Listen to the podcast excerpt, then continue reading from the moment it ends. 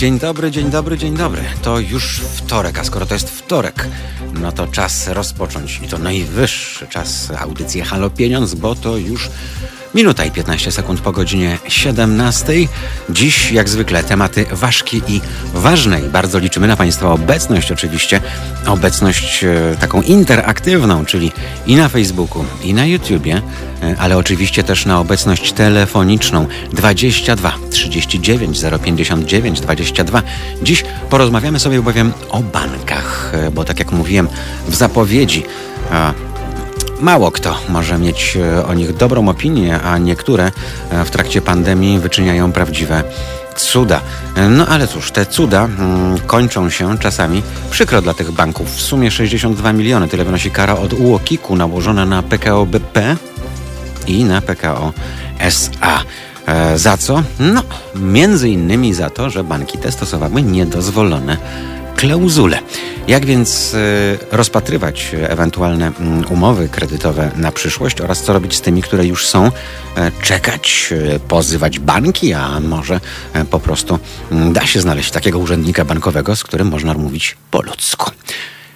Bartosz Turek jest naszym dzisiejszym gościem. Mam nadzieję, że słyszymy się i wszystko jest ok. Panie Bartoszu, dzień dobry. Tak, tak, dzień dobry, Super, dzień dobry, świetnie. Bardzo, Słyszę bardzo się bardzo cieszę. dobrze. Panie Bartku, no, y, ostatnie godziny niosą nam najnowsze newsy, y, więc jak to zwykle bywa na antenie Halo Radio, zajmujemy się tymi właśnie gorącymi, bieżącymi sprawami. Ich niestety nie brakuje, bo wolelibyśmy się spotkać przy okazji chwalenia banków, y, a nie ich e, ganienia. E, Te dwie kary to nie jest nowa sprawa, bo UOKiK nie podejmuje decyzji z dnia na dzień, to są e, długotrwałe procesy, to jest długotrwałe badanie. A potem dopiero następuje decyzja. Oczywiście musimy Państwa rozczarować, a niektórych uspokoić, bo to, że ktoś dostał taką słoną karę w postaci kilkudziesięciu milionów, to wcale nie oznacza, że już jutro prezes Jagiełło czy prezes PKO SA pójdzie z walizką i wpłaci te pieniądze, bo oczywiście teraz wszystkich czeka proces odwoławczy, więc e, znowu około roku prawdopodobnie to, to potrwa, ale poszedł bardzo ważny sygnał, panie Bartoszu.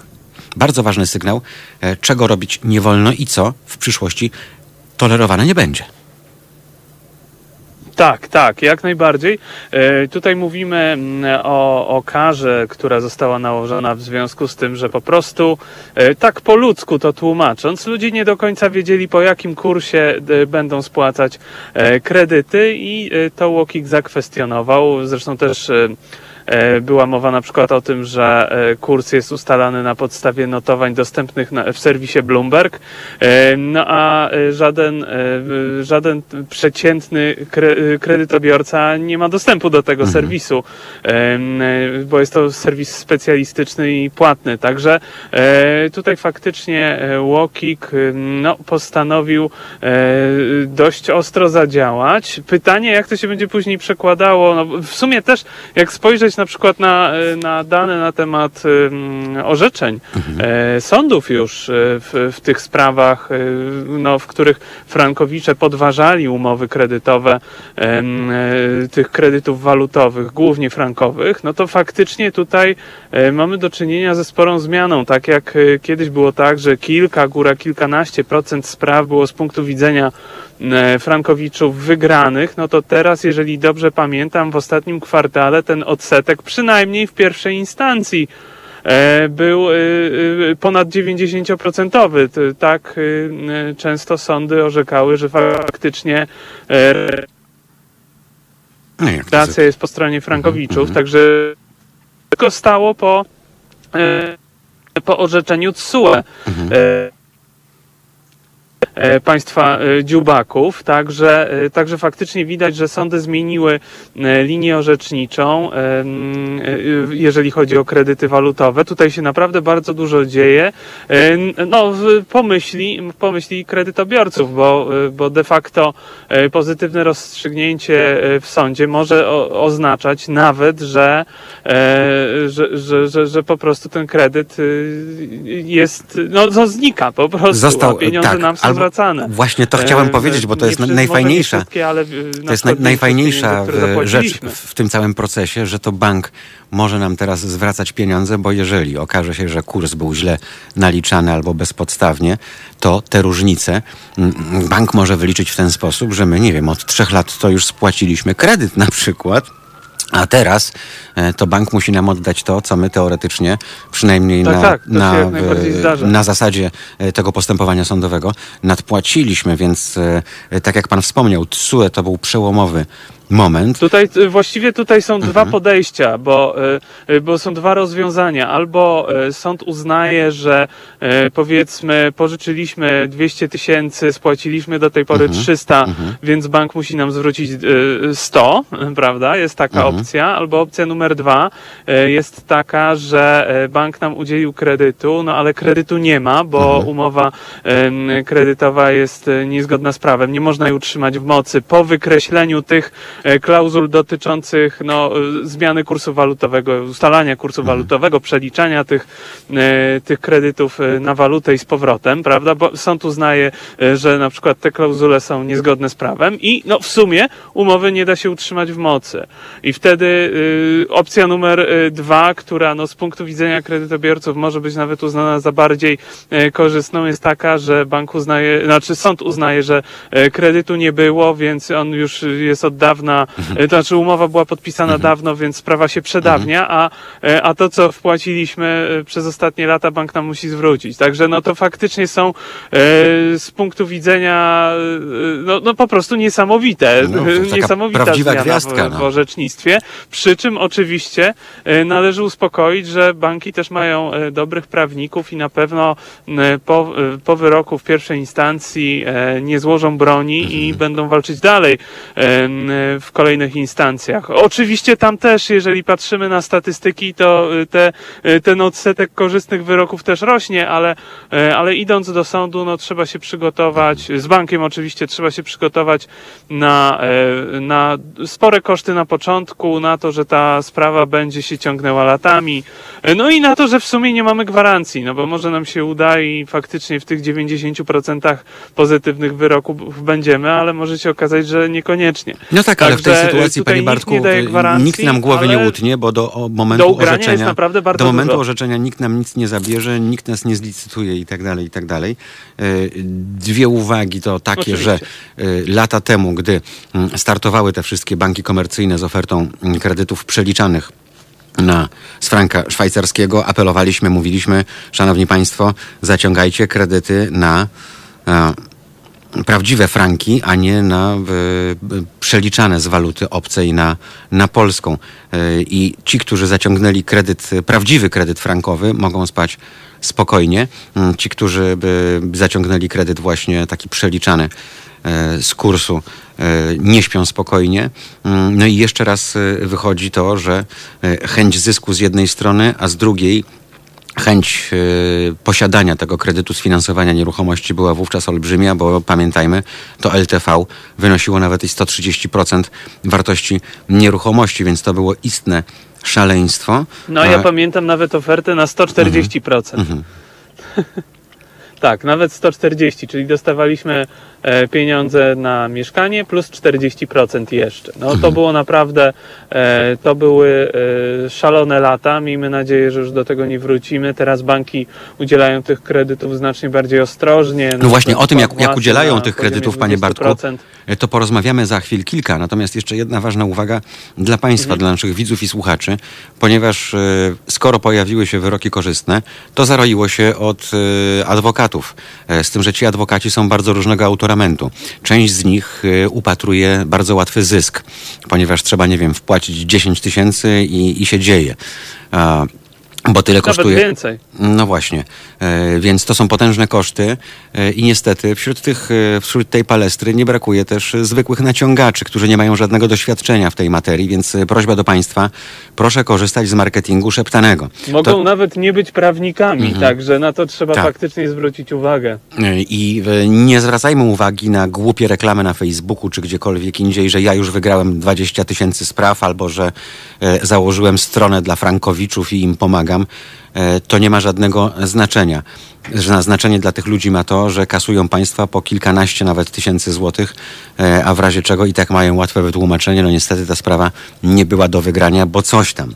W związku z czym, jeżeli Państwo nie mają bladego pojęcia o tych sprawach, a najczęściej tak jest, to proszę się oddać w ręce, nawet płacąc te kilkanaście tysięcy, ale prawdziwych zawodowych adwokatów, mało tego, takich, którzy rozstrzygają w sprawach kredytowych, w sprawach frankowych i którzy mogą się pochwalić jakimś dorobkiem. Jest bardzo wielu w tej chwili ludzi, którzy zwietrzyli swój interes i będą państwa po prostu golić, nie oferując nic w zamian. Dziś, w dobie pandemii, te wszystkie terminy sądowe e, i tak szlak trafił.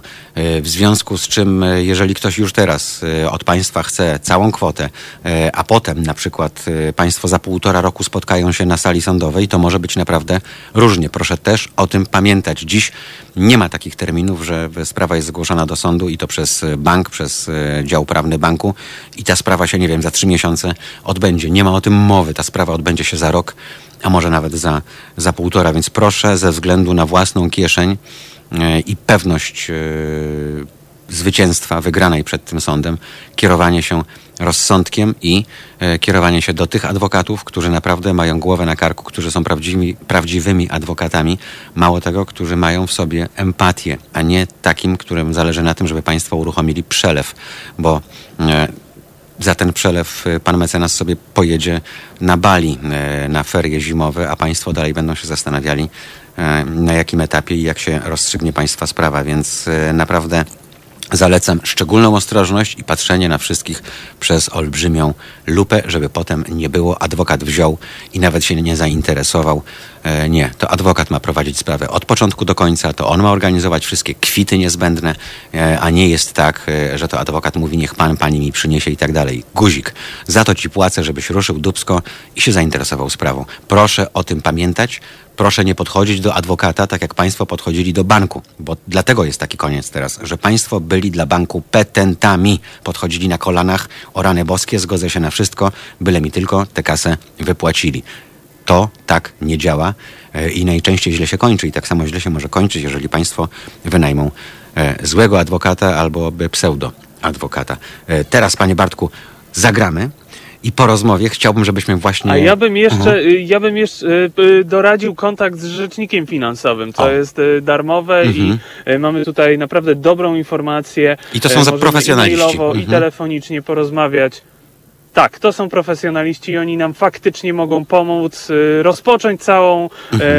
e, całą y, no, batalię ewentualnie z bankiem. Naprawdę to warto z rzecznikiem finansowym e, się skontaktować. Mhm. Zanim udamy się w poszukiwaniu kancelarii na przykład.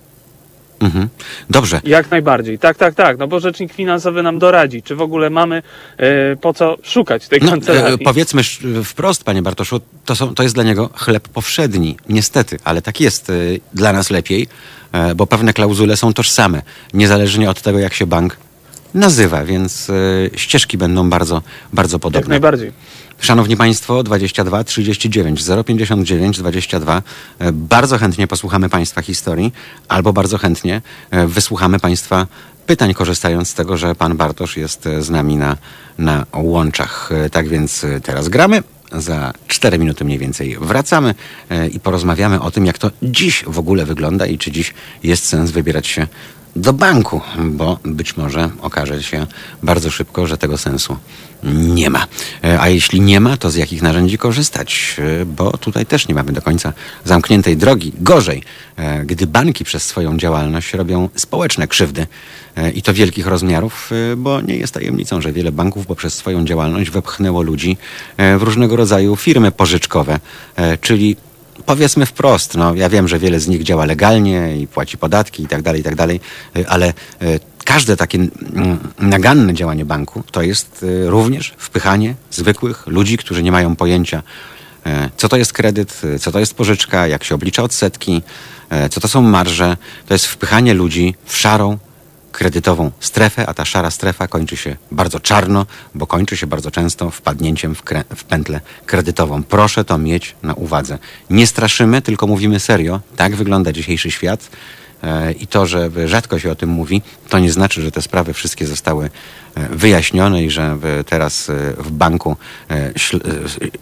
usyłają nam, ślą nam płatkami róż drogę do, do okienka. Wracamy za chwil kilka. Słuchajcie powtórki programu.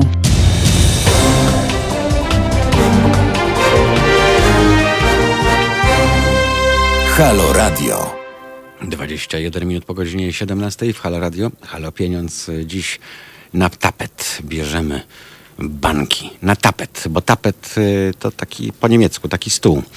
E, więc bierzemy na tapet, a nie na tapetę. E, gdyby Państwo zapamiętali, wszystkim nam żyłoby się milej, przestrzegając norm językowych, o co bardzo dbamy na antenie Halo Radio, e, przynajmniej od czasu do czasu i mam nadzieję, że Państwo to doceniają. Duży kredyt, pisze Darecki do nas w tych czasach, to pętla na szyję. To zależy jaki kredyt, na co i w jakich celach, bo na przykład kredyt w celach inwestycyjnych nie musi być pętlą na szyję. Także wszystko zależy od warunków e, i potrzeb e, i tego, w jakim celu ten kredyt jest brany. Kredyt, który jest brany po to, żeby pozatykać dziury, mm, może powodować jeszcze większą dziurę. Mało tego, może powodować przepaść e, i wówczas faktycznie można się nieźle wpakować. Przypomnę Państwu 22 39 059 i znowu dwie dwójki to nasz numer telefonu, a na łączach internetowych jest z nami mm, Bartosz Turek. Panie Bartku, e, witam ponownie. Mam nadzieję, że wszystko z siecią e, LTE w porządku i słyszymy się dobrze.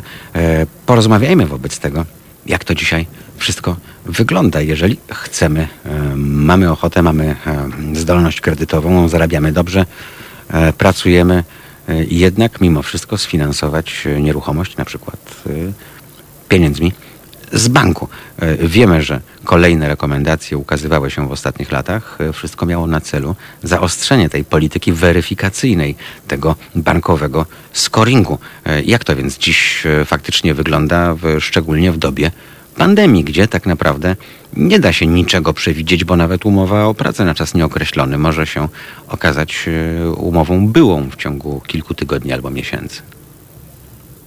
No faktycznie e, to, co pan powiedział, to jest w pełni e, prawda. E, faktycznie jest tak, że w tym momencie, jeżeli chcemy zaciągnąć kredyt hipoteczny, no to jest to bez wątpienia trudniejsze niż przed epidemią, mimo że banki w ciągu ostatnich dwóch, trzech miesięcy trochę zaczęły jednak poluzowywać te nałożone wcześniej ograniczenia.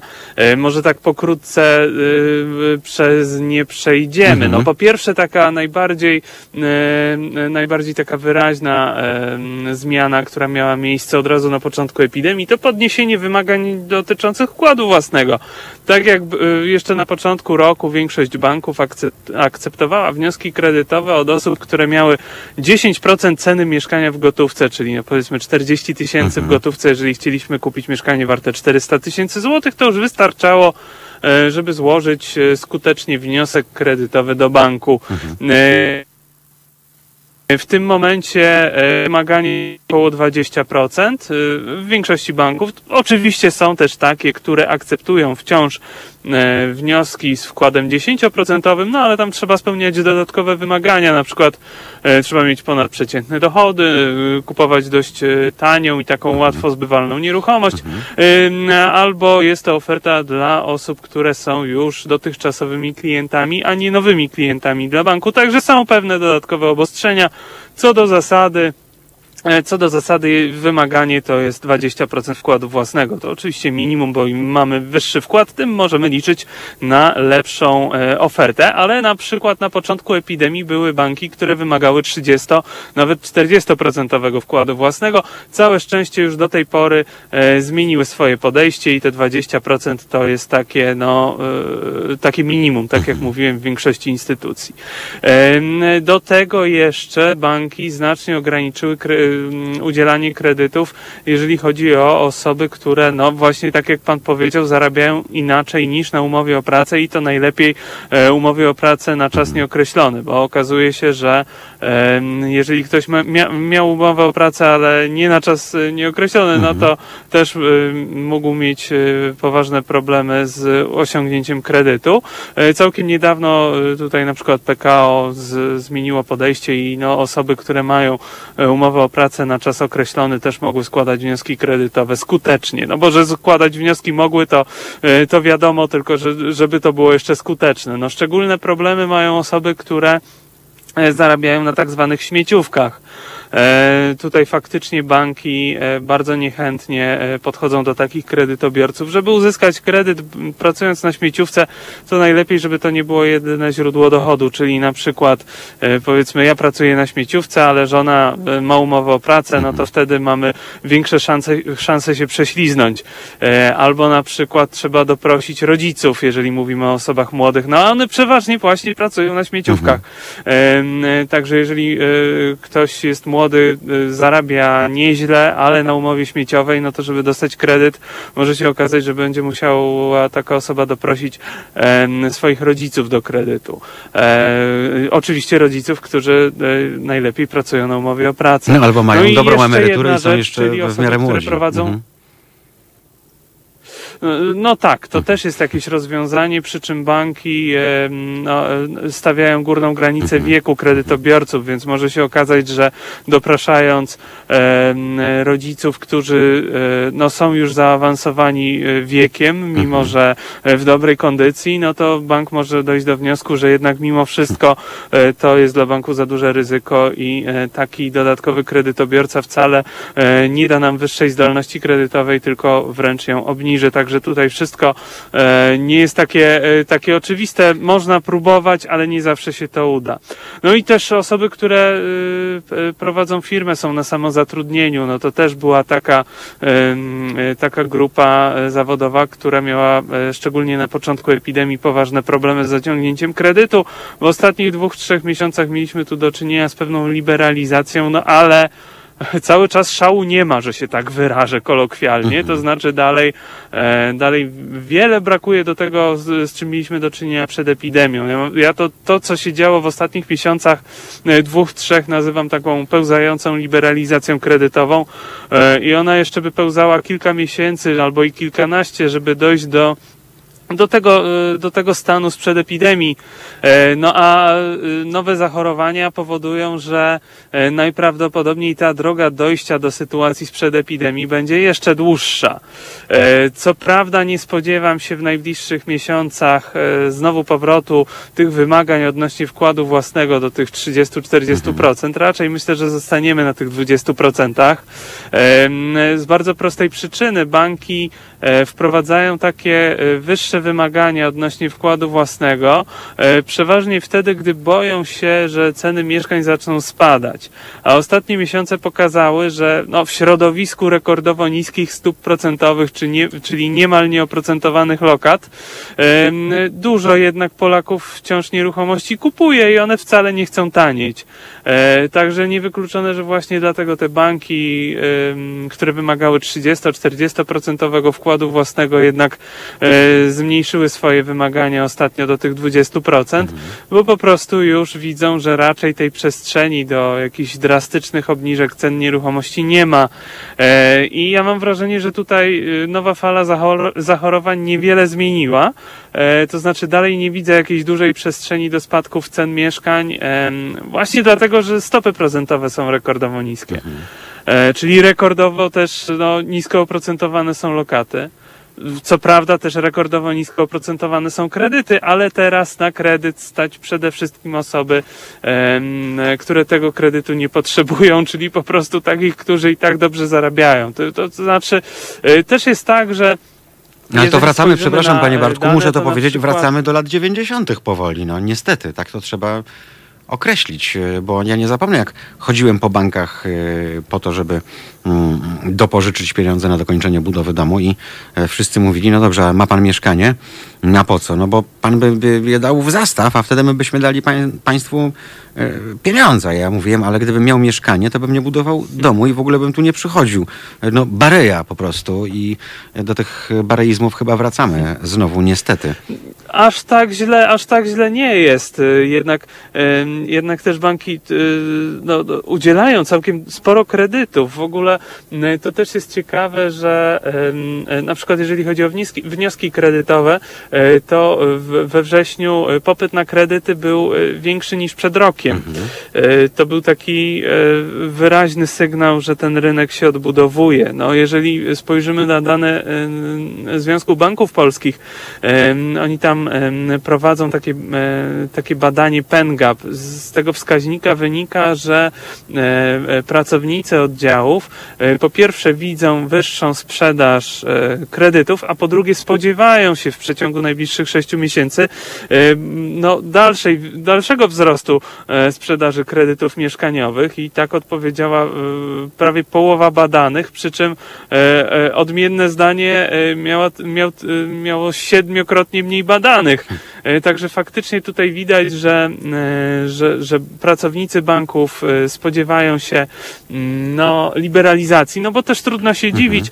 Banki teraz sprzedają kredyty tanio, relatywnie. Jeżeli spojrzymy na, na oprocentowanie, to ono spadło jedną trzecią względem poziomu sprzed epidemii, ale ten spadek wynika nie z tego, że banki zaczęły stosować niższe marże, tylko z tego, że Rada Polityki Pieniężnej obniżyła stopy procentowe. Mhm. Banki no tak. natomiast zaczęły stosować wyższe marże i pomimo tego, że mamy najtańsze, jeżeli spojrzymy na oprocentowanie, najtańsze kredyty mieszkaniowe w historii, to mogłyby być jeszcze tańsze, gdyby, gdyby, gdyby banki nie e, żerowały właśnie na tych wysokich e, marżach. E, dziwi mnie jedno, panie Bartoszu, bo skoro dopłacamy do lokat, no to konia z rzędem temu, kto w pełni świadomy tego, że wpłacając na lokatę do banku pieniądze będzie je tracił, a nie zarabiał, bo będzie zjadała inflacja nasz zysk, plus podatek belki przecież, e, no to yy, tak naprawdę banki się nie boją, że pieniądze na rynku międzybankowym w pewnym momencie zabraknie, bo yy, ludzie faktycznie, nie wiem, no nie mówię, że w skarpetach i słoikach będą trzymać te, te pieniądze, ale będą kierować się do innych instytucji, yy, które na przykład powołane zostały do tego, żeby inwestować pieniądze w inny sposób, co też nie jest e, najlepszym rozwiązaniem, bo w ten sposób wpędzamy kolejne tysiące obywateli w częściowo szarą, a częściowo czarną strefę, bo nie ma miesiąca, żeby nie odkryto kolejnej afery e, związanej z jakąś firmą inwestycyjną, która mm, pompowała jakąś bańkę, zbierała od klientów pieniądze, obiecując im gruszki na wierzbie w postaci, nie wiem, 10% zysków e, i tak dalej. Więc e, to mnie dziwi, e, że tak naprawdę E, bank robi nam łaskę w tej chwili, że my otworzymy tam lokatę. Tak to mniej więcej wygląda. No to jest ciekawe, że na przykład od firm e, niektóre banki w ogóle przestały przyjmować e, depozyty, w sensie nie otwierają dla nich lokat.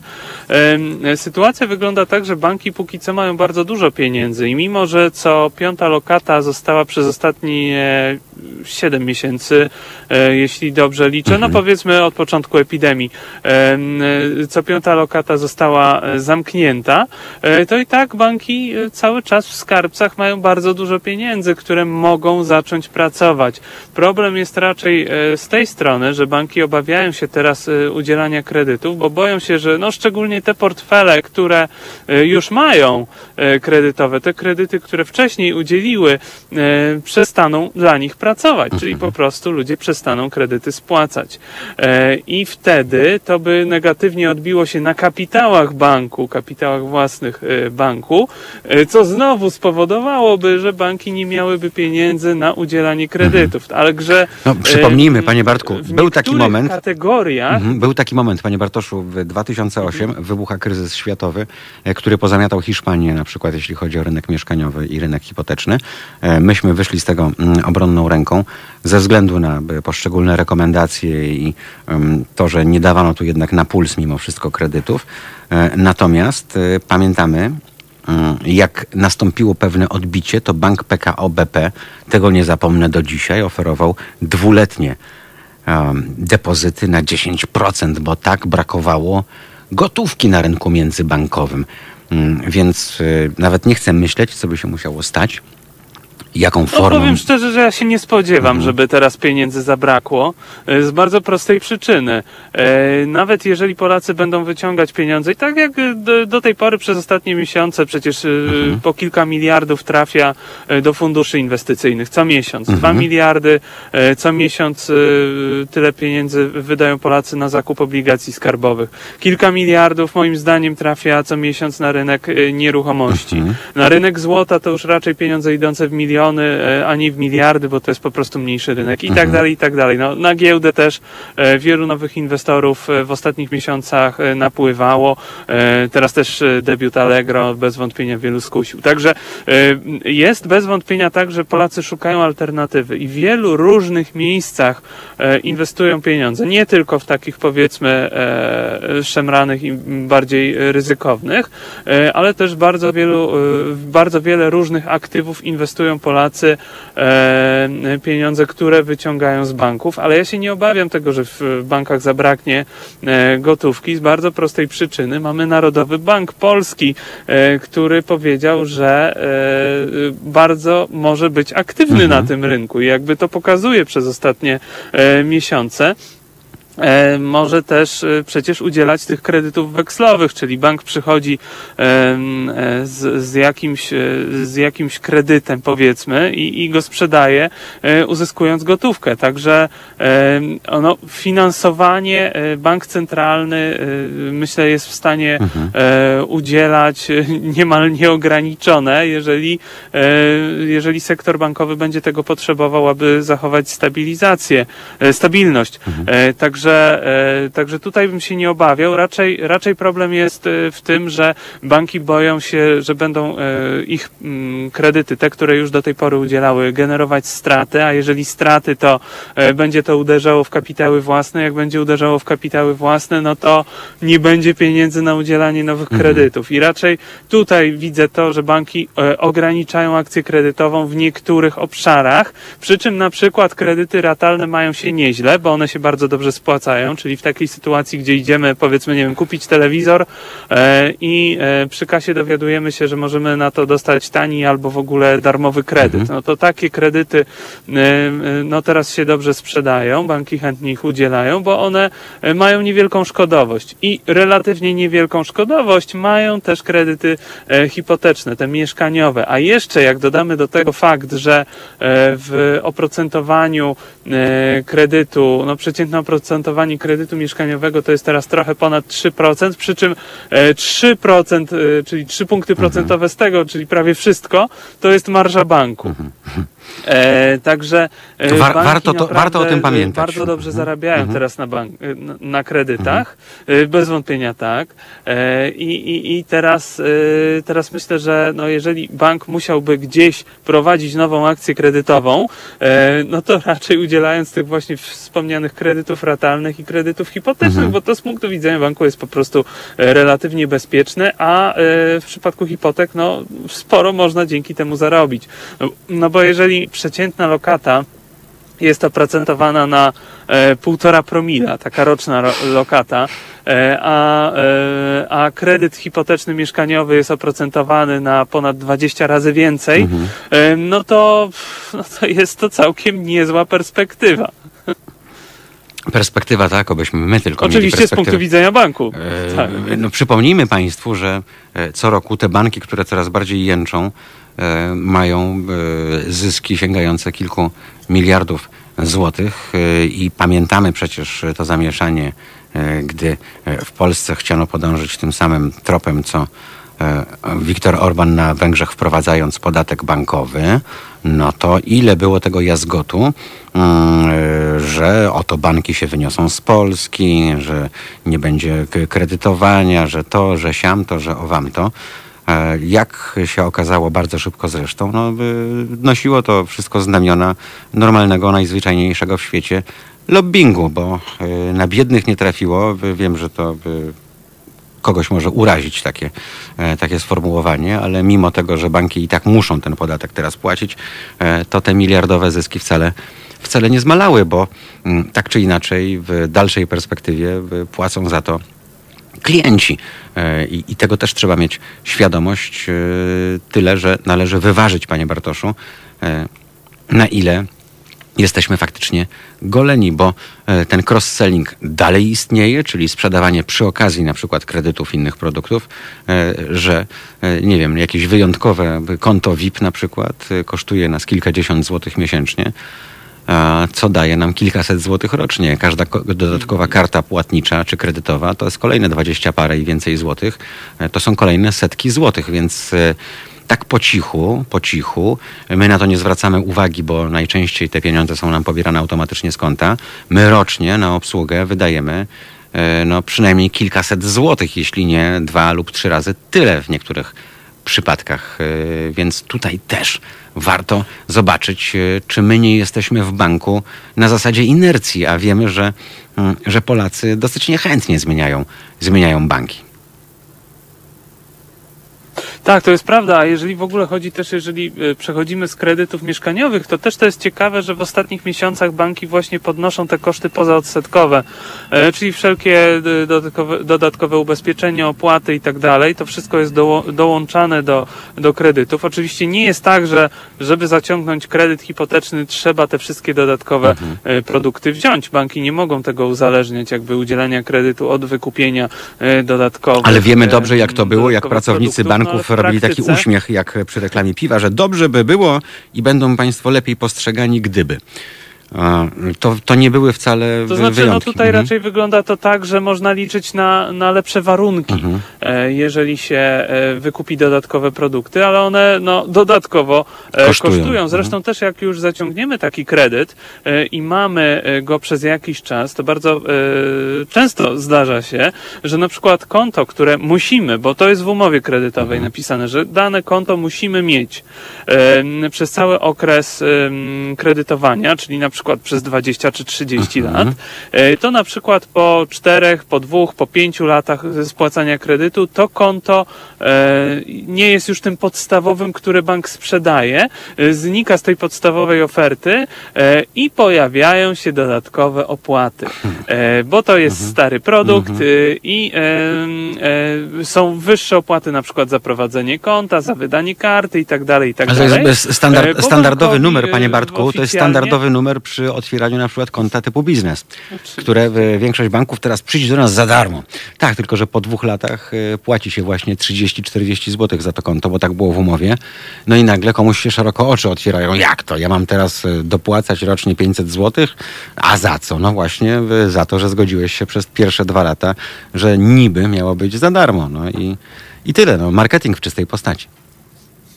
I nieczytanie umów przy No tak to wygląda, tak to mm. wygląda. Faktycznie trzeba, e, trzeba na to zwracać uwagę. E, no czasami się zdarza tak, że mamy po prostu e, ten, ten produkt, który już wyszedł z obiegu i zaczyna nas kosztować i można go zamienić na, na przykład mamy konto, które wypadło e, z podstawowej oferty, można zamienić na to konto, które jest w podstawowej ofercie i ono jest e, dalej bezpłatne. Oczywiście to wszystko jest możliwe, ale e, warto to sprawdzić, jak to jest zapisane w umowie, bo może się okazać, że konto raz nam sprzedane, no będzie musiało z nami zostać, albo niekoniecznie konto, inny mhm. produkt, produkt będzie musiał z nami zostać, no i nie mamy już gwarancji, że on będzie bezpłatny przez cały okres kredytowania. Hmm. E, o tym wszystkim pamiętajmy, tym bardziej jeżeli chcemy pilnować domowego budżetu, panie Bartku, bo tu 300, tam 500, tutaj coś tam i okazuje się, że rocznie e, przepalamy w ten sposób, e, jak w piecu, grube, grube naprawdę pieniądze, które mogłyby posłużyć czemu innemu, czemuś, co nam przyniesie realną korzyść. Zagramy teraz dla Państwa i wrócimy za chwilę. No przy okazji mhm. też na przykład a, tak, przepraszam. To proszę dokończyć, tak, proszę dokończyć. To, Panie, znaczy, nie, nie, nie, za, za, chwilkę się, za chwilkę się usłyszymy po prostu, bo też chciałbym zapytać o jedno. E, ja wiem, że to w dzisiejszych czasach być może głupio zabrzmi, ale dla mnie e, to jest wizerunkowo potworny obciach, że PKO BP, e, które oferowało w latach 90. kredyt, którego nie dało się spłacić, czyli Alicja, teraz znowu ma kłopoty z kredytami frankowymi.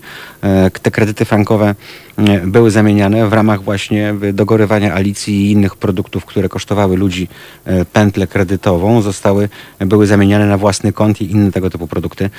I panie Bartku, i szanowni państwo, ja wiem, że może ja jestem idealistą, ale taki e, państwowy bank jak PKO BP powinien dawać, dawać dobry przykład i oferować jak najniższe marże szczególnie jeżeli jest takim gigantem na rynku, po to, żeby wywoływać realne konkurencyjne działania pomiędzy bankami, a nie takie, które sprawiają, że te banki nas tymi marżami golą, bo przez 20 lat walczyliśmy o to, żeby stopy procentowe były na takim poziomie jak teraz, e, po to, żeby kredyt był dostępny, a nie e, po to, żeby jedynym beneficjentem tego wszystkiego e, był głównie, głównie bank. O tym w szczegółach za mniej więcej 4 minuty teraz zostawiamy Państwa ze znakomitą, jak to zwykle bywa, muzyką w Halo Radio. Słuchajcie powtórki programu. Halo Radio. Pierwsze radio z wizją.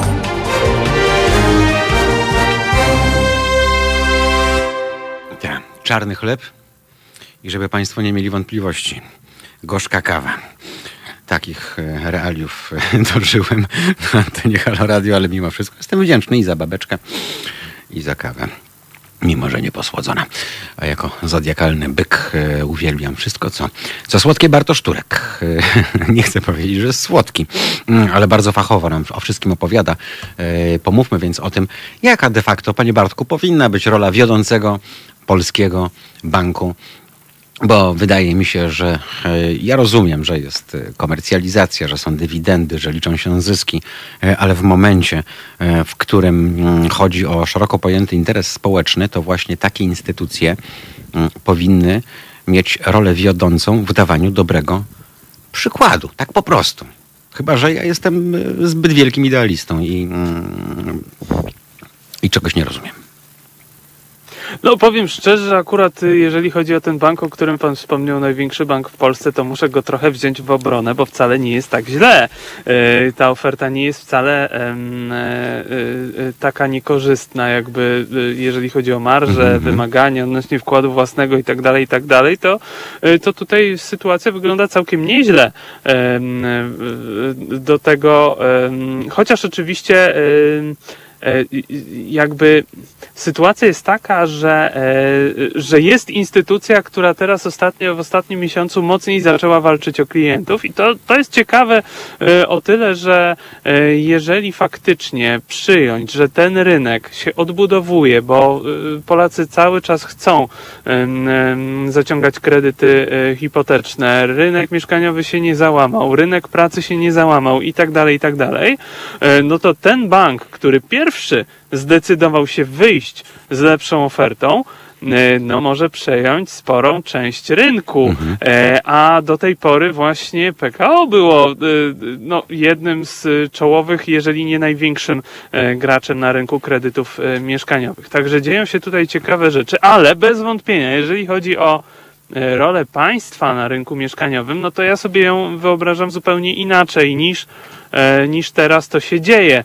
E, nie wiem, czy już mówiłem na ten temat e, na antenie państwa radia, ale na przykład Inny bank państwowy, czyli BGK, ma bardzo ciekawą rolę potencjalnie do odegrania. No może nie BGK, może PFR, no, no ale, ale tam, tam są dziesiątki miliardów do rzucenia na rynek. Tak, tak, to wiemy. Mhm. Tak, tak, tak. E, instytucja publiczna, która mogłaby e, zapro zaproponować jakiś program mieszkaniowy. No Dobrze, ale przecież panie Bartku, o ile tak. nie mam Alzheimera takiego totalnego, to było coś takiego jak BGK nieruchomości, prawda? Tak, jak najbardziej. I co się z tym stało? Teraz jest E, teraz, jeżeli dobrze e, kojarzę, bo tutaj dużo zmian było mhm. ostatnio, to jest to PFR nieruchomości. Aha. W ogóle e, przecież były takie programy, tylko że to było, jeżeli dobrze pamiętam, 7 lat temu ogłaszane, że BGK będzie właśnie kupowało całe osiedla mieszkań i będzie przeznaczało na najem komercyjny. Mhm. I to cały czas jest realizowane. Tych mieszkań kilka, no jest kilka bloków, które, którymi zarządza e, właśnie jakaś spółka. Mhm. E, nie pamiętam teraz, przepraszam nazwy, bo, bo to się zmienia. Jest też, jest też ta, e, która realizowała e, mieszkania w ramach programu Mieszkanie Plus. Mhm. Teraz ten, mieszk- e, ten program zmienił nazwę chyba na Mieszkanie dla Rozwoju. No cały czas mówimy o niewielkiej skali, no bo to jest chyba trochę ponad tysiąc mieszkań. Teraz dokładnie nie pamiętam tych liczb no ale one nie są imponujące Nie, no to jest w ogóle kropla w morzu, nawet pół kropli. Mhm. A rozwiązanie e, jest proste, e, które zastosowano na przykład w Nowej Zelandii, e, gdzie działa system gwarancji kredytowych, czyli nie to, co mieliśmy, z czym mieliśmy do czynienia przez lata, czyli program Rodzina na swoim, gdzie państwo spłacało przez 8 lat połowę odsetek od kredytu. Nie program Mieszkanie dla Młodych, gdzie państwo dawało kilkadziesiąt tysięcy złotych tytułem, nawet kilkadziesiąt tysięcy tytułem jakby no takiego substytutu wkładu własnego dla osób, które chciały kupować mieszkanie. Tylko gwarancje, czyli sytuacja, w której mamy na przykład 5% ceny mieszkania w gotówce, idziemy do banku, ale właśnie z taką gwarancją, bo e, mówimy na przykład o osobach młodych, które kupują pierwsze tanie, relatywnie tanie mieszkanie e, i takim osobom można było udzielać gwarancji. Mają 5%, e, e, właśnie na przykład PFR albo BGK daje gwarancję do 20% i bank traktuje takiego kredytobiorcę, jakby miał właśnie 20% wkładu własnego, udziela kredytu e, na tych warunkach no, zarezerwowanych dla osób, które, e, które mają uzbierane 20%. No, z punktu widzenia e, budżetu się o tyle opłaca, że przy zakupie mieszkania, szczególnie nowego, e, państwo in- inkasuje e, ogromne kwoty w różnych, przeróżnych podatkach, bo mówimy tutaj i o VAT-cie, i o CIT-cie płaconym przez dewelopera, i o CIT-cie płaconym przez przez e, bank i o e, podatkach płaconych przez e, na przykład pośredników, rzeczoznawców majątkowych, e, notariuszy, no i tak dalej, i tak dalej, wszystkie osoby zaangażowane w całą transakcję. A później wykończenie, no bo przecież e, są i e, firmy, które e, dostarczają materiałów budowlanych, płacą pity. No, kiedyś się mówiło, e, że, że złotówka, złotówka w, wpompowana w system e, budowy mieszkań, nieruchomości oddaje przynajmniej 3 złote e, w postaci podatków właśnie w Dokładnie. biznesów towarzyszących i tak dalej, i tak dalej.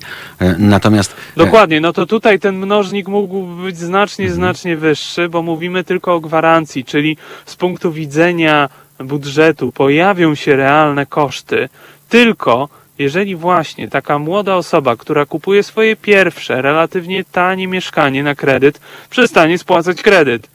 E, A no powiedzmy sobie szczerze, ta spłacalność kredytów hipotecznych w Polsce jest na bardzo wysokim poziomie. E, e, Mniej niż, no można powiedzieć 1, 2, no maksymalnie 3% to zależy, prawda, w, w jakich warunkach, jaki kredyt, kiedy. no prawda, to jest, to jest zobowiązanie miesięczne cyklu. z No, ale budżetu domowego to się- płacone w pierwszej kolejności, po prostu. I Oczywiście. Mhm. oczywiście. Przede wszystkim to zapłacimy. Już szybciej będziemy mieli zaległości w e, opłatach za mieszkanie tych Mhm. czynszowych, tych opłat administracyjnych, przepraszam, niż, e, niż w kredycie hipotecznym. Szybciej nie spłacimy karty kredytowej, e, niż nie spłacimy kredytu hipotecznego. To się naprawdę, to są kredyty doskonale spłacane, więc powiedzmy, no 1%, 2%, niech będzie nawet 5% osób, które skorzystają z tego, z tego wsparcia, realnie faktycznie miałoby problemy ze spłacaniem kredytu, no to to by były naprawdę śmieszne koszty z punktu widzenia budżetu, e, a wsparcie byłoby ogromne i dochody z tego tytułu dla budżetu państwa byłyby ogromne. Do tego No więc to by się e, wszystkim większy opłacało, bo to by się państwu również zwracało. Mówiąc Tak, wprost. dokładnie. To by była też, to było też koło zamachowe gospodarki. No, wzrost PKB to też y, y, lepsze wskaźniki długu y, no, i tak dalej, i tak dalej. No to, to się po prostu opłaca. E, Szczególnie, że no idąc dalej, przecież jeżeli osoby młode kupowałyby mieszkanie, no to to byłby też element polityki prorodzinnej. Nie ukrywajmy przecież, że brak dachu nad głową jest dla wielu osób jednym z głównych powodów, dla którego nie decydują się na posiadanie dzieci. Także no, y, to naprawdę. y, Ja już nie mówiąc coś, w ogóle o jakości życia, prawda? Mm, I ci, ci, ci No wszyscy, to, którzy to, bez wątpienia. cierpią z powodu braku y, i wydają bez sensu na wynajem na przykład, a płacą tyle, ile mogliby płacić, albo mniej w formie miesięcznego zobowiązania. To no oczywiście tak, no, no zakup mieszkania na własność jest rozwiązaniem tańszym niż najem. Mhm. To jest w większości przypadków w Polsce, to jest w większości przypadków w Europie. Tak po prostu jest.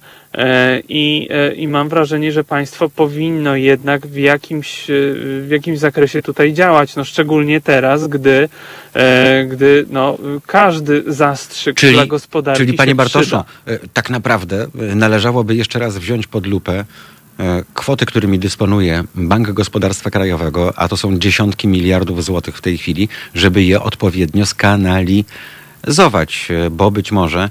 No tak, żeby po prostu lepiej zaczęły pracować. Tak. E, ja Dla nas e, wszystkich. w weekend spotkałem się z osobą, która mi się pochwaliła, pochwaliła w cudzysłowie, mm, że skorzystała z tarczy w ten sposób, że wzięła na mhm. każdego pracownika po 24 tysiące starczy. I teraz uwaga, bo ja nie wiedziałem, co odpowiedzieć i jak się zachować. Natomiast to jest odpowiedź na to, dlaczego w tym kraju jest jak jest. Bo jak wiadomo, dosyć łatwo jest z tej tarczy dostać pieniądze. Wobec czego ta osoba jako przedsiębiorca wzięła po 24 tysiące od łebka na każdego pracownika, którego nie może zwolnić formalnie do czerwca, po czym dogadała się z tymi pracownikami i znalazła im robotę gdzie indziej, wszystkim na umowę o dzieło. E, oczywiście oni grosza z tego PFR-u nie zobaczą. A iluż jest takich przedsiębiorców, panie Bartku, w Polsce, którzy w ten sposób e, po prostu walą w rogi e, system, państwo i nas, bo te pieniądze są z naszych podatków i to jest tak naprawdę niesprawdzalne. Mm, szczególnie, że taki pracownik wiadomo, że będzie trzymał dziób na kłódkę, tak? bo będzie mu zależało na tym, żeby ewentualnie po czerwcu te prace u dotychczasowego pracodawcy w ramach umowy o pracę kontynuować. Ileż jest takich przypadków y, i ileż idzie tych pieniędzy po prostu w próżnię po to, żeby zaspokoić y, wszystkie inne rzeczy przedsiębiorcy poza jego kłopotami na, na rynku związanymi z pandemią. Więc dlatego mm, ja wiem, że nie możemy za bardzo rozbudować aparatu, bo to się zrobi paragraf 22 i, i, i ugrzęźniemy w tym wszystkim, prawda? Y, ale może faktycznie tak, tak. na coś postawić, czyli postawić na na ludzi młodych, na ich rozwój, e, na ich podstawową, jak najbardziej w XXI wieku, w środku Europy, e, e, część życia, czyli, czyli prawo do dachu nad głową. No, o czym my w ogóle dyskutujemy, prawda? A co się z tym wiąże? Pytanie, które chcę panu zadać, to relacja, która łączy premiera Morawieckiego z prezesem Jagiełą, szefem PKO BP od wielu, wielu lat. Ci panowie pozostają w dobrych relacjach, bo przecież premier Morawiecki, w, w, E, on pochodzi z sektora e, bankowego, tak, jako wieloletni prezes e, poznańskiego WBK-u. Mm, dużo się mówiło przy okazji pierwszego ekspoze premiera, to pamiętam, bo takie rzeczy akurat zapamiętuję, niestety. Mówiło się o szybkiej chęci mm, zmian w PKO BP, czyli wyodrębnieniu PKO BP BH nic się z tym nie stało. Już drugą kadencję rządzi nam Prawo i, i Sprawiedliwość. Myślę, że powołanie odgórne banku hipotecznego z prawdziwego zdarzenia, opartego o struktury PKO BP, dałoby wyraźny sygnał rynkowi. To znaczy, y, tutaj akurat, y, jeżeli chodzi o bank hipoteczny, to PKO ma bank hipoteczny. Ja wiem, że go ma, wiem, tylko że. Mam w nim kredyt. Ja wiem, tylko że to jest skala. Skala jest żadna po prostu, panie Bartku bo bardziej się opłaca PKO BP jako PKO BP e, dawać kredyt na zasadach komercyjnych e, niż kredyt na zasadach, e, które pochodzą z banków hipotecznych opartych o ustawę o listach zastawnych. O to mi chodzi, że w ten sposób można byłoby przeciągnąć nawet wielu dotychczasowych kredytobiorców z banków komercyjnych pod swoje skrzydła. A no właśnie, a tutaj y, jeżeli, bo jakby od tego ekspertem nie jestem, ale słyszałem opinię, że tutaj problemem e, e, był, e, bo, bo, bo ten rynek się rozwijał bardzo dynamicznie, no ale wprowadzenie podatku bankowego mhm. było, jest, jest problemem dla, dla rozwoju tego rynku. Ale właśnie, bo też wspominał Pan o, podatku bankowym, mhm o, o jego wprowadzeniu i, i, o reperkusjach. Ja, jak, ja, jak to sprawdzałem, to e, w większości e, ten podatek bankowy zapłacili posiadacze e, lokat. Czyli tak jak o tym mówiliśmy. Bo, mhm. Tak, bo to jest, to, to jest właśnie ciekawe, że y, mówiono, że to właśnie banki zapłacą, że ograniczy to ich y, zyski, mhm. y, że ograniczy y, skalę akcji kredytowej. Koniec końców było tak, że po prostu ograniczył oprocentowanie przeciętnej lokaty mhm. bankowej. Mhm. także efekt był tego taki, że de facto wprowadzenie opodatkowania na banki doprowadziło do tego, że jeszcze większa, jeszcze większe grono Polaków po prostu zostało no, no wypchniętych w mhm. pewnym sensie z sektora bankowego, mhm. bo otrzymanie pieniędzy na lokacie. No, o tym mówiliśmy, prawda? Że, że niestety bardzo często tak. to jest też wpychanie w szarą i w czarną strefę. Nie oszukujmy się.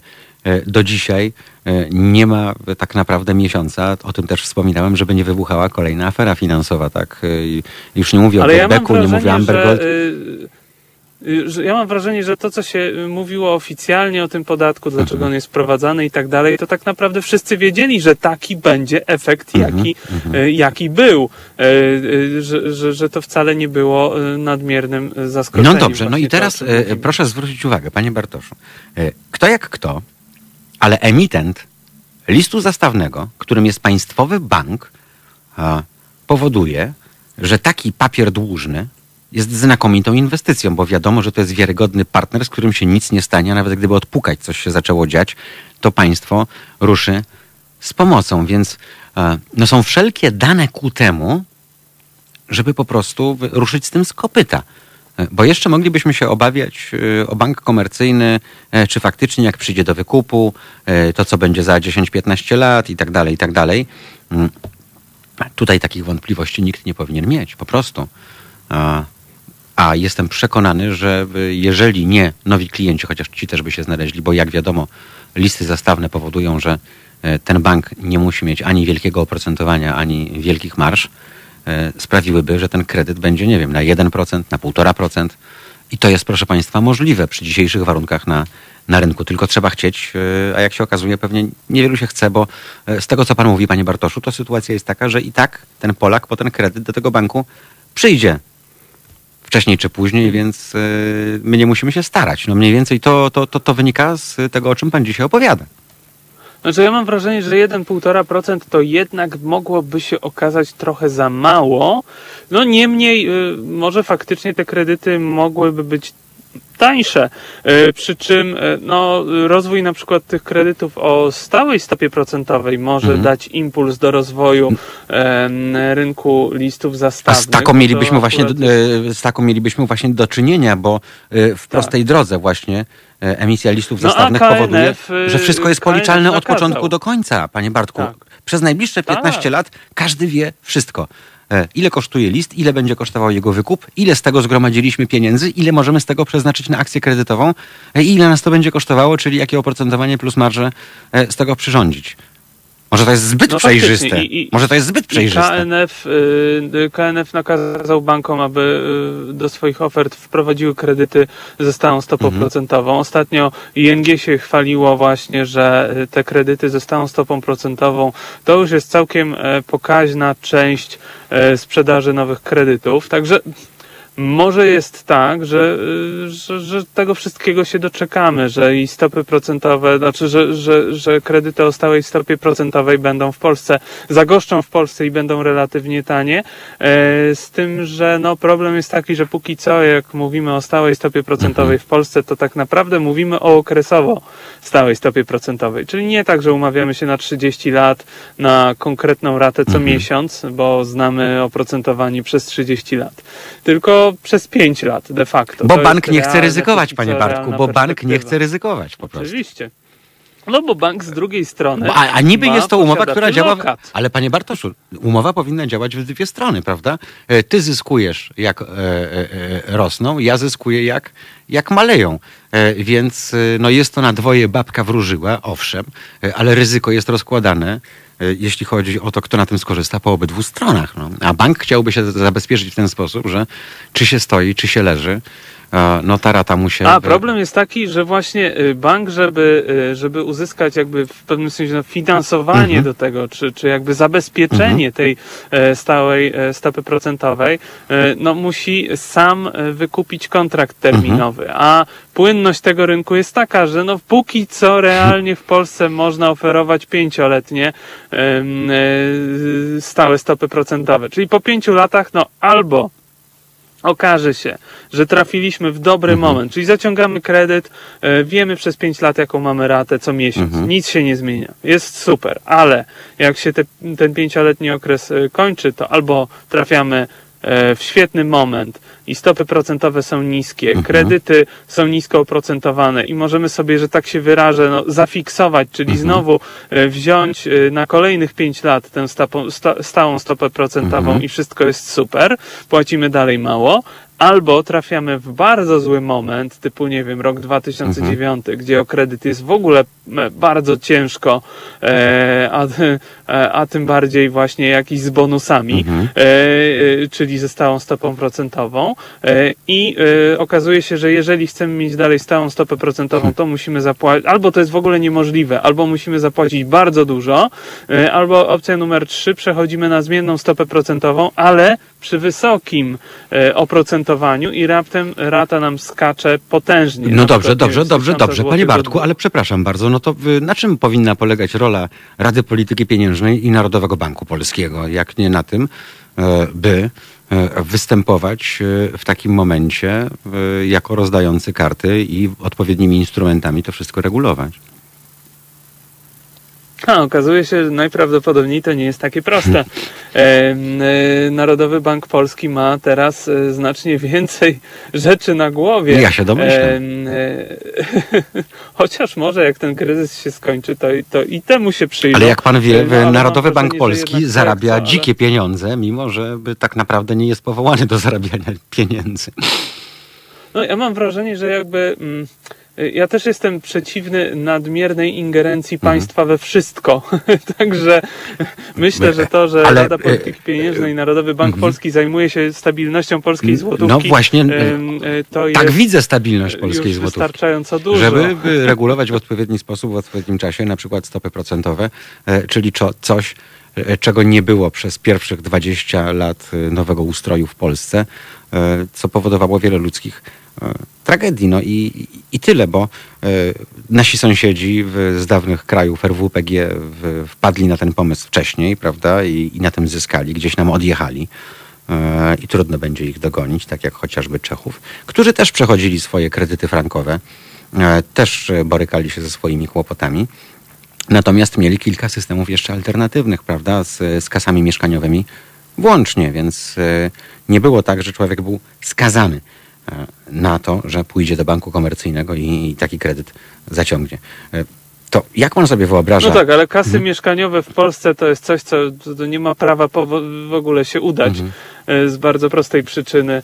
E, Ale to chyba podczas naszej ostatniej rozmowy też do takiego wniosku Mhm. doszliśmy, że, e, że problem z kasami mieszkaniowymi jest taki, że tam się długoterminowo oszczędza, e, a politycy mają raczej Cztery lata kadencji, horyzont tak, tak, planowania. tak, Tak, tak. I dlaczego- Krótszy niż to długoterminowe oszczędzanie. Dlaczego śmie- Zresztą, śmietankę ma z- z- z- z- spijać ktoś inny, prawda? Ja to wymyślę, a przyjdzie Ja opozycja. pamiętam, Mhm. jak y, Beata Szydło proponowała długoterminowe oszczędzanie na cele mieszkaniowe, Mhm. no ale zanim ustawa powstała, to koncepcja się zmieniła Mhm. niestety. Y, Ale to faktycznie się raz na jakiś czas gdzie niegdzie pojawia, z tym, Mhm. że e, z tym, że już wiele, wiele lat y, no, nie ma szans na to, aby, e, aby ten system faktycznie w Polsce powstał i mam wrażenie, no, że to, to już stało się regułą. Ale nie wiem, to jest jakaś osobliwa cecha e, właśnie kraju nad Wisłą, bo e, no, specjalnie powiedziałem o tym, że kraje Europy Wschodniej, prawda, korzystają z tego, bo to są i Węgrzy, to są i Słowacy, to są i Czesi. E, Jasnym jest, że w e, krajach rozwiniętego Zachodu tego typu rozwiązania istnieją od, nie wiem, stu i więcej lat, więc tam się już sprawdziły. E, Dlaczego to, co sprawdza się gdzie indziej, nie do końca musi się sprawdzić w Polsce? I e, jedno mnie dziwi, panie Bartku, bo konsensus przy tej sprawie naprawdę nabiłby wielu politykom, ugrupowaniom politycznym, ich stronnikom e, całą masę e, takich przyjemnych punktów politycznych, e, czyli w obecności przy urnach na przykład. No i No tak, ale dopiero za pięć lat. Dopiero za pięć lat od stworzenia, no bo trzeba co najmniej te pięć lat oszczędzać w takiej Mhm. kasie, żeby, żeby uzbierać jakąkolwiek sensowniejszą kwotę, To która prawda. realnie mogłaby pomóc. Dobrze, tylko panie. Bartku, Także- wy, bo to ma, to ma swoje różne dobre strony. Bo po pierwsze, wy, trafia ta kasa do kas, więc y, y, jest pieniądz, y, jest gotówka na rynku, to po pierwsze. Po drugie, Polacy nie mają nawyku długoterminowego odkładania, bo nikt ich tego nie nauczył. Uczono nas jako dzieci. Albo bo nawet mieli, oduczył. mieliśmy SKO, prawda? Od dziecka pr- próbowano nas. Akurat tutaj e, duży laur dla prezesa Jagiełły, bo bardzo dba o sektor dzieci. jako przyszłych klientów PKO BP, bo dalej e, SKO istnieje, dalej w, są różne rozwiązania dla juniorów stosowane i tu wiodący wiodący jest właśnie bank PKO BP i, i, za to bardzo się cieszę, że takim konikiem mm, prezesa Jagieły jest właśnie, e, właśnie e, ta grupa odbiorców. E, Natomiast mm, my byśmy przy okazji nauczyli się odkładać. To jest to wszystko, o czym też rozmawialiśmy e, na początku, gdy ruszał program 500, panie Bartoszu, tak? Że to jest znakomita okazja, żeby właśnie skapitalizować pewne środki, których i tak. E, Bez których i tak byśmy przeżyli, tak? Bo nie mówię o rodzinach, dla których to jest realna pomoc socjalna, tylko mówię o rodzinach, e, dla których to jest miły dodatek. I które i tak by sobie Mhm. bez tych 500 zł na dziecko poradziły, ale dla e, dużej rzeszy e, fakt to się potwierdza, bo 500 plus zlikwidowało bardzo grubo strefę ubóstwa nieprawdopodobną w Polsce, liczoną według e, standardów ONZ-owskich, więc tam było, nie wiem, 3 dolary na przeżycie dziennie chyba, czyli takie standardy afrykańskie. Natomiast e, to by spowodowało, że kilka milionów ludzi zaczęłoby regularnie odkładać. E, I okej, jeżeli nie chcesz odkładać tych pieniędzy po to, żeby twój junior, jak wejdzie w dorosłe życie, wziął te pieniądze i miał na połowę mieszkania, czy na wkład, czy na cokolwiek, to niech pojedzie, nie wiem, na przyzwoite studia za granicę na przykład za te pieniądze, tak? Czyli inwestowanie w rozwój, w przyszłość, e, a nie e, przejadanie na bieżąco. Po prostu. Jest, y, y, żeby, żeby postawić y, jakąś przeciwwagę dla tego, to zawsze można dodać, że faktycznie przez lata było tak, że Polacy e, no, zarabiali za mało, żeby oszczędzać. Mhm. E, Ale ostatnie, e, ostatnie wyniki badań pokazują, że większość Polaków jednak mimo wszystko oszczędza. Także no, coś się pozytywnego też w tym względzie dzieje, chociaż bez wątpienia na przykład e, te, to jest dobry przykład, te obligacje skarbowe, które są detaliczne, Mhm, które są mhm. przeznaczone dla beneficjentów Mhm. programu 500+, no to sprzedaż ich to, to jest tak śmiesznie niska, jakby one odpowiadają za jakieś promile w ogóle całej sprzedaży e, obligacji skarbowych detalicznych, e, co pokazuje, że naprawdę niewiele osób em, no, te pieniądze, które dostają w ramach świadczenia, Mhm. e, przeznaczają później na długoterminowe oszczędzanie, a przez, e, przez wiele miesięcy było tak, że to, to była naprawdę bardzo dobra, korzystna, bezpieczna oferta długoterminowego e, oszczędzania, gdzie naprawdę No, Polacy zarobić, bardzo chętnie z tego e, korzystali. Nieźle. Mhm. No w tym momencie y, te, te obligacje, y, jak ktoś kupił y, ponad rok temu, no to mogą być oprocentowane nawet na ponad 6%, Mhm. co przy, tak jak powiedziałem, półtora promila średniego Potęga po prostu, oprocentowania tak, tak, mhm. lokaty rocznej w, w banku, to jest, to jest 40 razy Mhm. więcej, ponad nawet, bo, Mhm. bo tam niektóre papiery mogą być oprocentowane teraz na, nawet na ponad 6%. Także no faktycznie z tym długoterminowym, długo, długoterminowym oszczędzaniem jest, e, jest trochę krucho. E, Z samym oszczędzaniem jest lepiej, niekoniecznie tym długoterminowym, bo tak jak mówię, ponad połowa Polaków już oszczędza, E, ale też słyszałem taką opinię, że to jest bardzo często tak, że uzbieramy jakąś taką e, większą kwotę, powiedzmy, nie wiem, 10, 20, 30 tysięcy e, i jak już ją mamy, to na przykład decydujemy się na, Mhm. na jakiś zakup już Mhm. taki konsumpcyjny. Także e, oszczędzamy, ale no z tym długoterminowym oszczędzaniem faktycznie cały czas nie jest e, tak dobrze, chociaż wraz z tym, jak zamożność Polaków Mhm. rośnie, to i ta skłonność powoli zaczyna rosnąć. No, uczymy się. E, uczymy Tak. się i to dobrze, bo uczymy No bo się dla przyszłych pokoleń, panie. Bartku, e, dla naszych dzieci, które też pan ma w, w, w młodym wieku jeszcze wciąż, e, Tak. to pracujemy teraz i robimy to, co robimy właśnie e, dla ich przyszłości, jakkolwiek to, to zabrzmi, bo e, nie wiem, my słyszeliśmy od rodziców, że w twoim wieku to ja by rower był luksusem, tak? E, Czy coś tam było luksusem, natomiast e, czasy się trochę zmieniły i czas też zmienić swoje swoje podejście. E, Zagramy teraz przez chwil kilka, bo chciałbym jeszcze wrócić do BGK-u i tego, o czym pan mówił, bo rozwiązanie jest jeszcze jedno. Dlaczego nie możemy dać szansy tym, którzy pracują na śmieciówkach i którzy zamiast płacić 2000 miesięcznie temu, kto wynajmuje im mieszkanie, nie mogliby od razu zacząć spłacać. Jak? Otóż korzystam z oferty instytucji, która ma mieszkania na wynajem, z dojściem do pełnej własności. Jak pan sobie to wyobraża? Chciałbym, żeby pan e, przez te trzy minuty e, pomyślał, czy to nie jest też dobry pomysł, bo wtedy takie BGK nieruchomości, tak? Wprowadzam się do ich mieszkania, e, no i to jest krótka piłka. Jeżeli pokazuje swoją stabilność, to w tym czynszu mam zawartą również po podpisaniu odpowiednich aneksów do umowy możliwość dojścia do, do własności. Wtedy nie muszę mieć tego wkładu własnego, ale już od dzisiaj e, nie e, spuszczam w toalecie dwóch tysięcy na wynajem, tylko płacę być może w przyszłości za swoje. Mm, To też... Ja powiem tak, że Mhm. jeżeli e, tego państwo nie zrobi, to w końcu e, sektor prywatny to zrobi. Dobrze, e, e, porozmawiajmy o tym szerzej już po, po piosence. Słyszymy się mniej więcej za 3,5-4 minuty. Słuchajcie powtórki programu.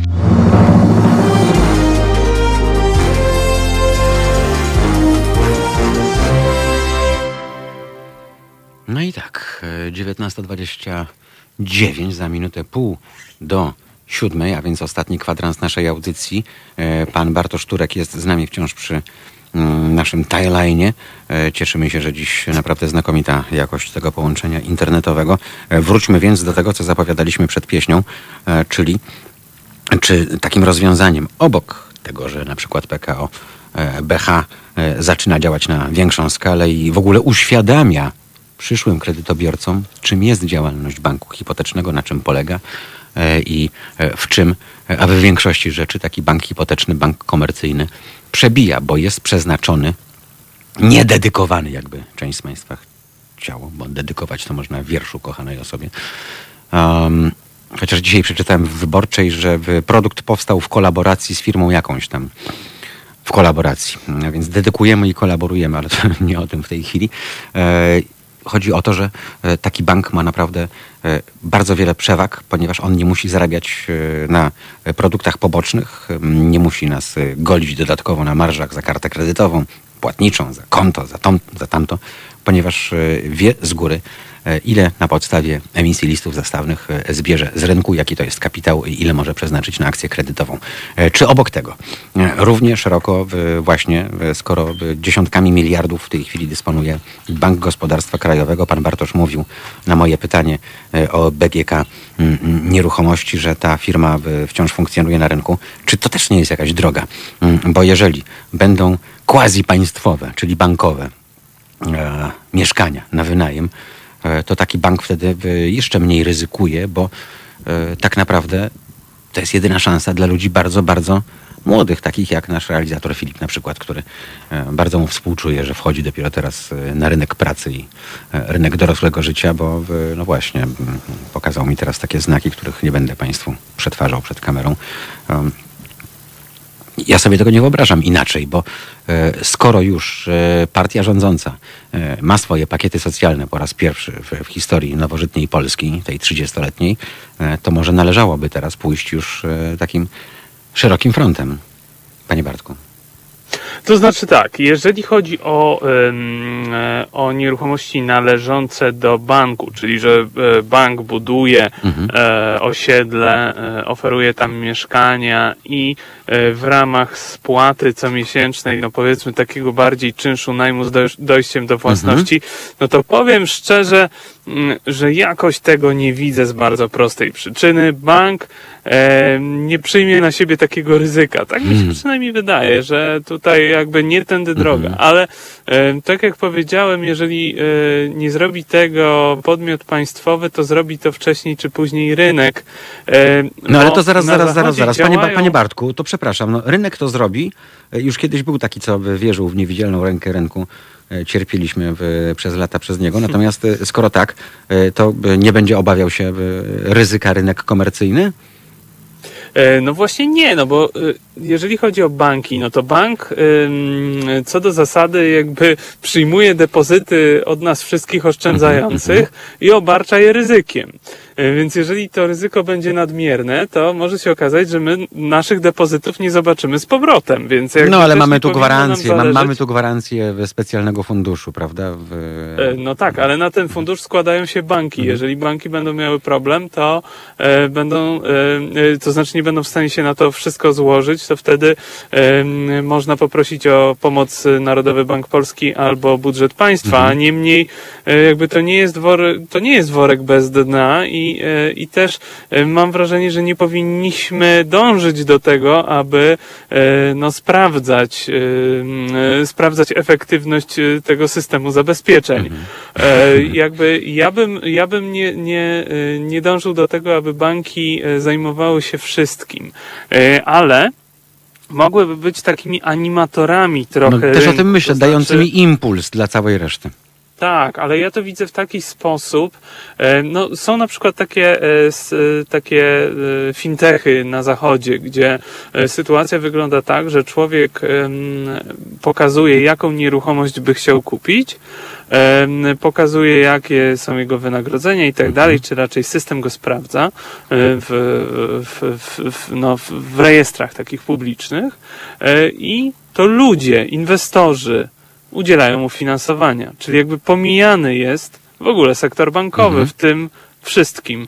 E, ja tutaj widzę jakieś takie rozwiązanie, no bo przecież... Ale były próby, panie Bartku, parę lat temu i e, no to w powijakach gdzieś tam e, bardzo gęsto utknęło i, i, i nie może się z nich wydobyć, bo mm, były te propozycje pożyczek społecznych, prawda? Tak, tak, tak, jak najbardziej. No problem tam był taki, że y, bardzo dużo było po prostu osób, które y, w planie miały to, żeby tego nie spłacać. Mhm. Jakby to, to, to jest problem, z którym ten biznes się borykał. No ale to, to też zależy od tego, z jakich źródeł danych, baz danych się korzysta, jak dobrze się człowieka mhm. no, prześwietla, zanim mu udzieli się finansowania. Także E, także mam wrażenie, że to może być pewnego rodzaju rozwiązanie, szczególnie, że e, mówimy tutaj o sytuacji, w której człowiek nabywa prawo własności do nieruchomości dopiero po latach, dopiero, mhm. więc jakby to stanowi pewne zabezpieczenie. Tylko problem e, polega na tym, że no, możemy sobie wyobrazić taką sytuację, że ktoś chce kupić mieszkanie za powiedzmy 400 tysięcy złotych i są inwestorzy po drugiej stronie, którzy są w stanie, no każdy dać po 10 tysięcy, czyli jest 40 mhm. współwłaścicieli mhm. mieszkania, które później jest spłacane takimi miesięcznymi e, ratami, no, czynszem najmu płaconym e, przez, e, przez takiego, taką osobę, która chce zostać właścicielem. No oczywiście z dojściem do własności to wszystko jest, prawda? Powiedzmy w perspektywie 20 lat. I teraz rozwiązaniem tego e, byłaby jakaś powiedzmy no, tokenizacja tych udziałów, bo jeżeli wszyscy musieliby się stawić, 40 inwestorów, e, na jedną wizytę do notariusza, gdzie kupowaliby tę nieruchomość, gdzie zapisywaliby jakąś, spisywaliby jakąś umowę z tym e, potencjalnym no, do, do, najemcą z dojściem do własności, no to to się staje w ogóle jakaś szalona procedura, mhm. gdzie wiadomo, że z 41 osób, no bo 40 inwestorów plus, e, plus e, najemca, przy czym jeszcze oczywiście inwestorzy, to może się okazać, że to by były pary, no bo jeżeli małżeństwo, to muszą być dwie mhm. osoby. Mhm. no to by się zrobił tłum, no to, to trzeba by było wynajmować Cały autobus gości, tak. Tak, cały autobus gości, dokładnie. Nie, to, to by było po prostu e, logistycznie nie do zrobienia.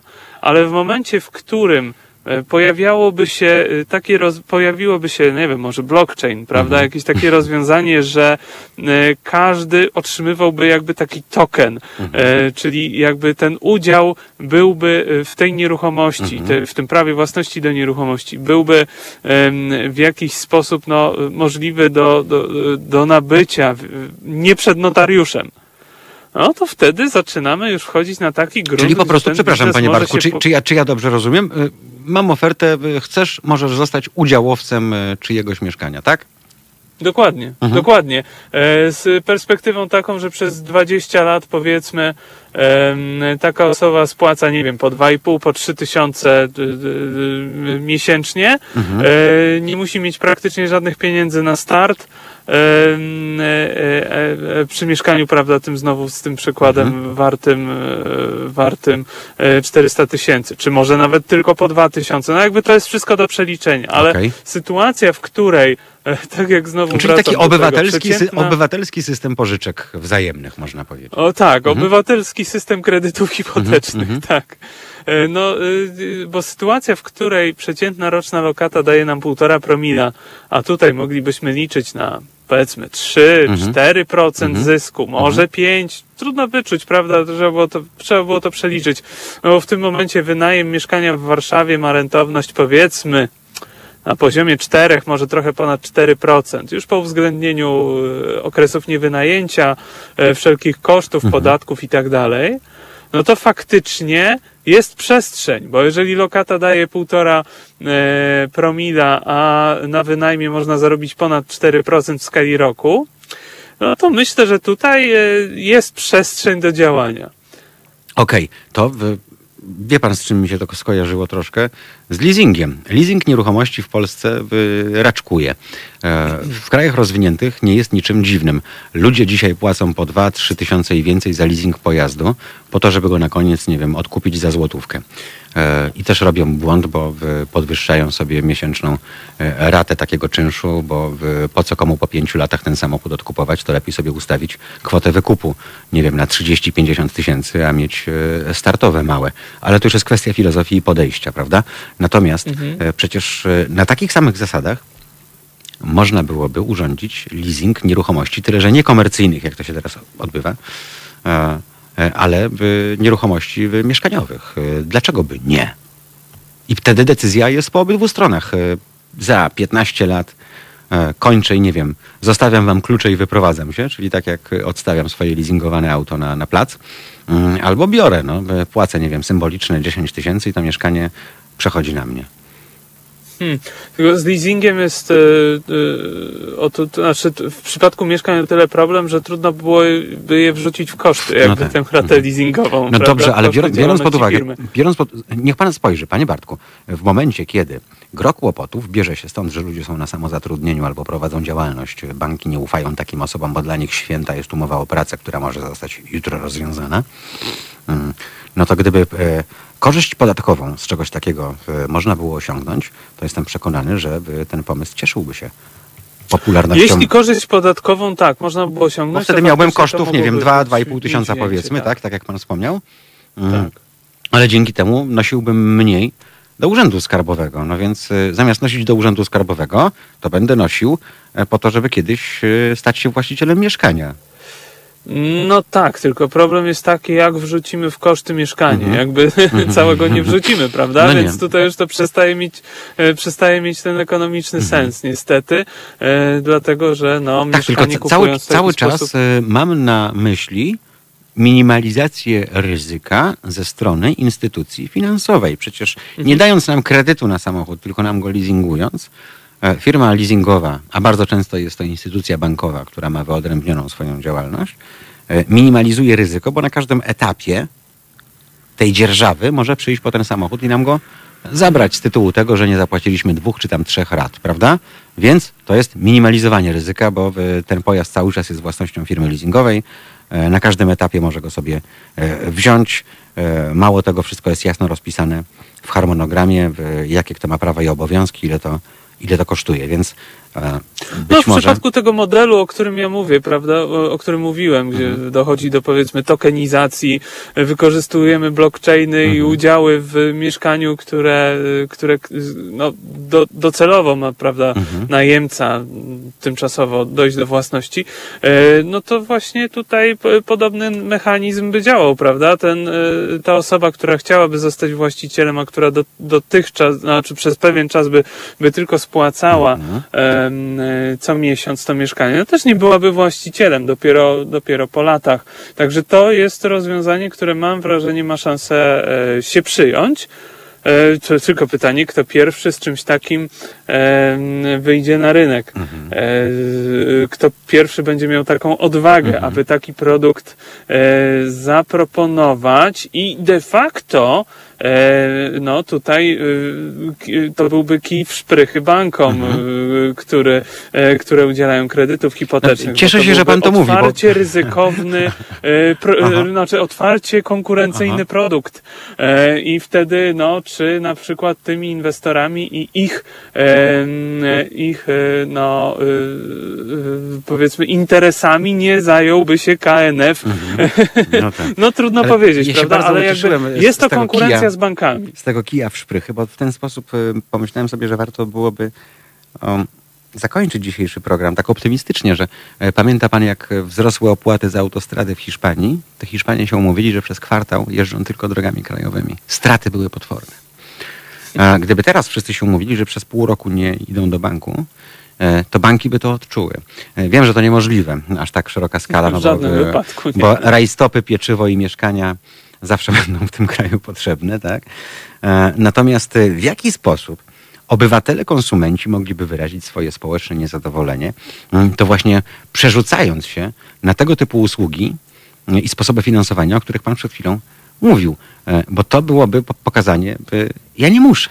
Ja nie muszę, skoro ty mnie tak traktujesz Albo jako... można hmm? wywrzeć y, na politykach y, presję, aby zaproponowali na przykład hmm. ten system e, gwarancji kredytowych hmm. dla osób, mhm. które kupują mhm. pierwsze mhm. relatywnie e, tanie mieszkanie e, jako substytut Tylko tego znowu wkładu. liczyłby się, panie Bartku, tak jak w przypadku Solidarnych Hiszpanów, efekt skali, czyli wielkość tego przedsięwzięcia w przeliczeniu na głowę jednego obywatela. Tylko wówczas mielibyśmy szansę na na powodzenie.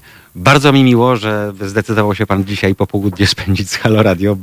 Wiele cennych informacji. Bardzo dziękujemy. E, panie Bartku, mam nadzieję do miłego usłyszenia. Dużo zdrowia. Dziękuję serdecznie. Dla pana Dziękuję nawzajem. Dziękujemy. Do zobaczenia, do usłyszenia. Mariusz Gzyl. To też już e, pora na pożegnanie moje z Państwem e, ale nie na długo, bo dzisiaj jest, co dzisiaj jest? Wtorek dzisiaj jest. No to we czwartek bladym świtem się spotkamy, to znaczy ja się spotkam z budzikiem jeszcze czarnym świtem, bo to już ta pora. Jestem z Państwem od godziny siódmej we czwartek. Za dziś dziękuję. Do zobaczenia. Do usłyszenia.